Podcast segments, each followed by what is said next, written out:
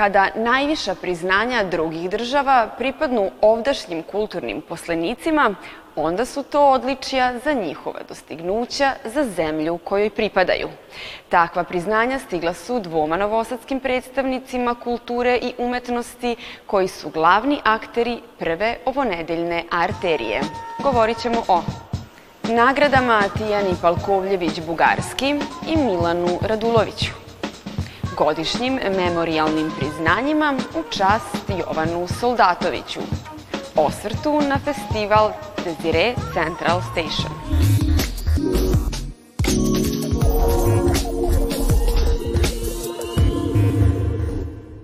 Krajem prošle nedelje upravnici Galerije Matice Srpske Tijani Palkovljević-Bugarski u rezidenciji ambasade Austrije uručeno je zlatno odlikovanje za zasluge, a u ambasadi Francuske dugogodišnjem direktoru muzičke omladine Novog Sada Milanu Raduloviću pripao je orden umetnosti i književnosti u rangu viteza.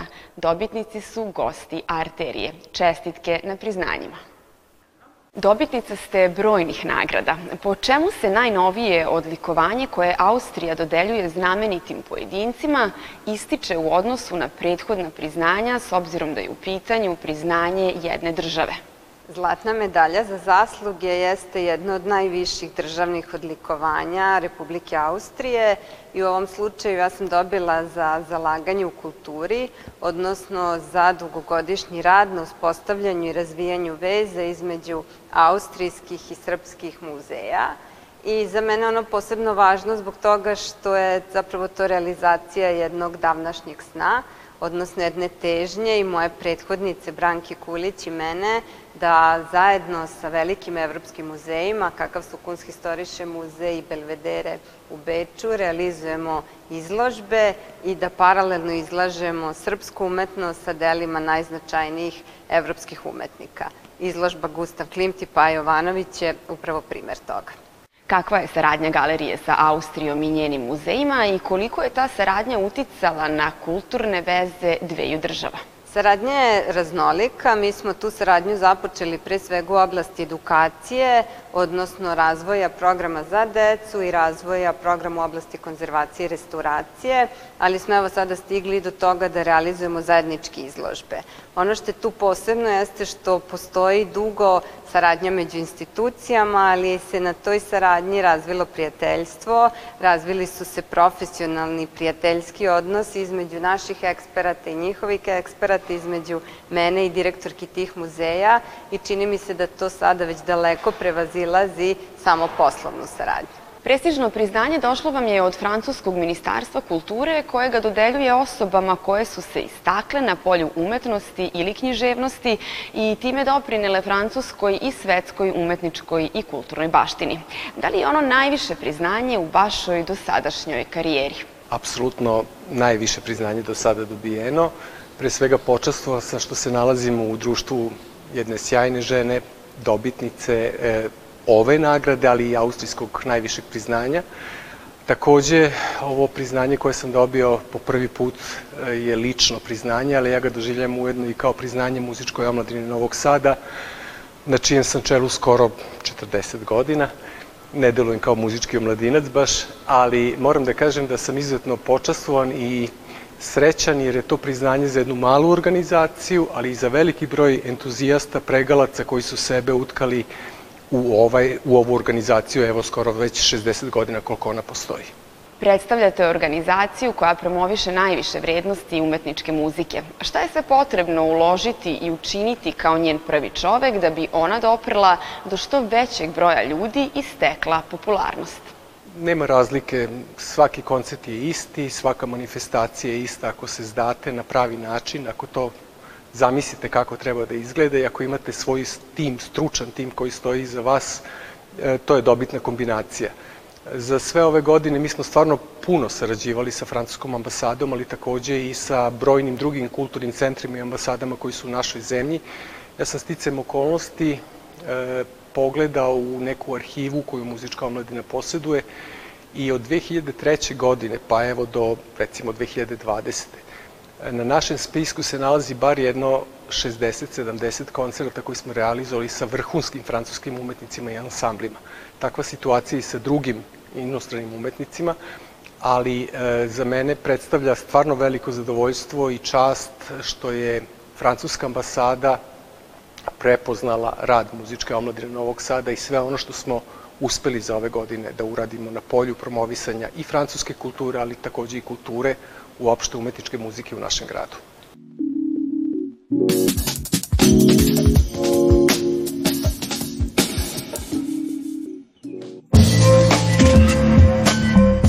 Godišnje memorialne nagrade ustanovljene 2022. godine koje dodeljuje izdavačka kuća Promete i porodica čuvenog novosadskog vajara Jovana Soldatovića, priznanja su koje su dodeljena u Digitalnom omladinskom centru deci koje su ostvarila značajne rezultate na poljima humanosti i dobrote. Povodom sećanja na vajara Jovana Soldatovića i njegovog sina Gorana, koji je ostao zarobljen u telu deteta, uručene su godišnje memorialne nagrade, predanje dobrote i put ka uspehu za izuzetna nastojanja, doprinos i rezultate mladih sugrađana u razvoju omladinske kulture i kulturnog stvaralaštva. Dobitnici su učenici osnovnih i srednjih škola. Velika mi je čast pre svega što sam ja dobio ovu nagradu, jer verujte mi da tokom 2023. godine stvarno sam se trudio, pošto sam bio koordinator gradskog učeničkog parlamenta, da kroz ceo svoj mandat od godinu dana se trudim da promovišemo empatiju kod mladih, jer mnogo ima velika estika stigma da su mladi sebični, da ne žele da pomogne drugima. Ideja o osnivanju nagrade u sedam kategorija javila se 2020. godine povodom stogodišnjice rođenja vajara Jovana Soldatovića i smrti njegovog sina Gorana. To je bio povod da predložimo memorialne nagrade, ne u ličnom smislu, znači sasvim u skromnosti, da se u stvari vredno je stvaralaštvo, rad, humanizam, empatija mladih. To je bila inicijativa Radojem se što je to podržano. Nagrade koje se deljuju daju ovaj, Srđan Soldatović i Prometej, to su knjige i umetnički predmeti koje je Srđan oblikovao. Sprovedili literarni likovni konkurs koji su vodili Mirjana Grdinić i Uglješa Colić, tako da danas imamo ovde divnu decu koja su postignuta da budu kreativna. Priznanja ovog tipa dobar su način da se kod mladih naraštaja razvijaju prave vrednosti i osobine poput plemenitosti, dobrote i razumevanja.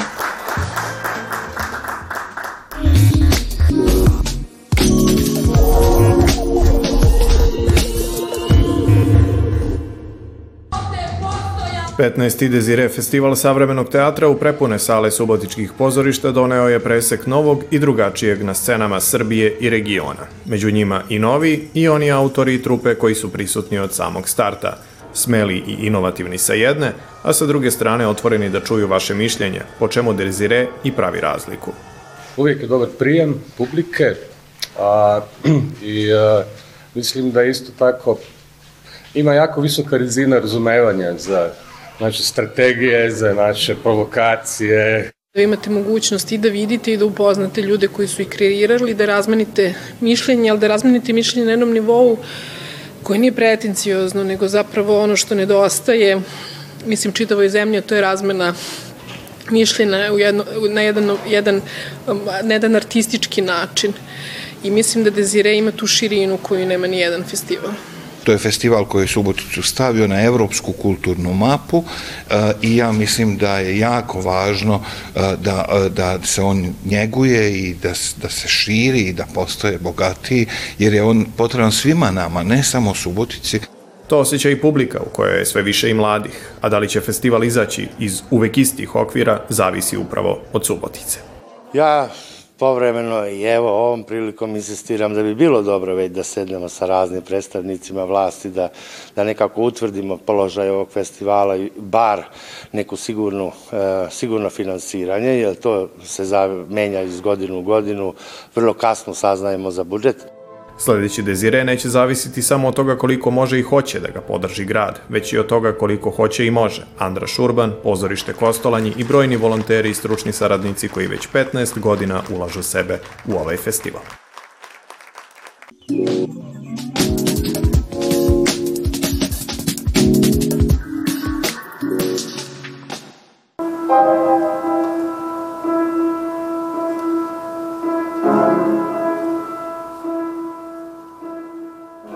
Pijanistkinja Marina Hudih održala je koncert u Novosadskoj sinagogi u okviru projekta Trivium, Trilogija, Musika, Licerata.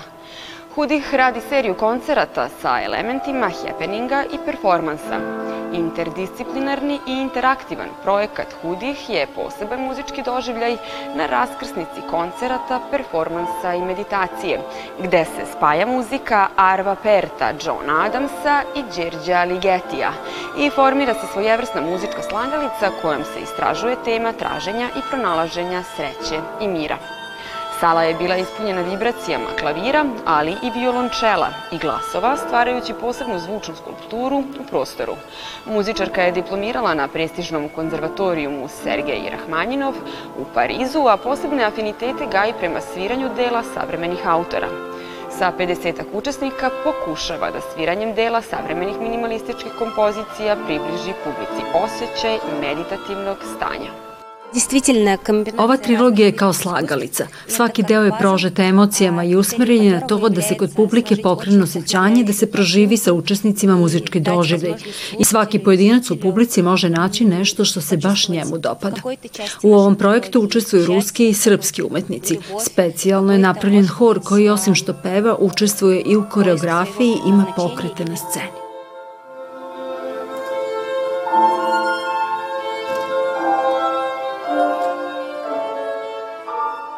Premijera predstave Ponovno ujedinjenje dve Koreje u režiji Igora Pavlovića izvedena je na kamernoj sceni Srpskog narodnog pozorišta. Od čega su sačinjene veze među ljudima, pitanje je koje pokreće novi komad drame našeg najstarijeg teatra. O tome u sutrašnjoj arteriji. Prijetno!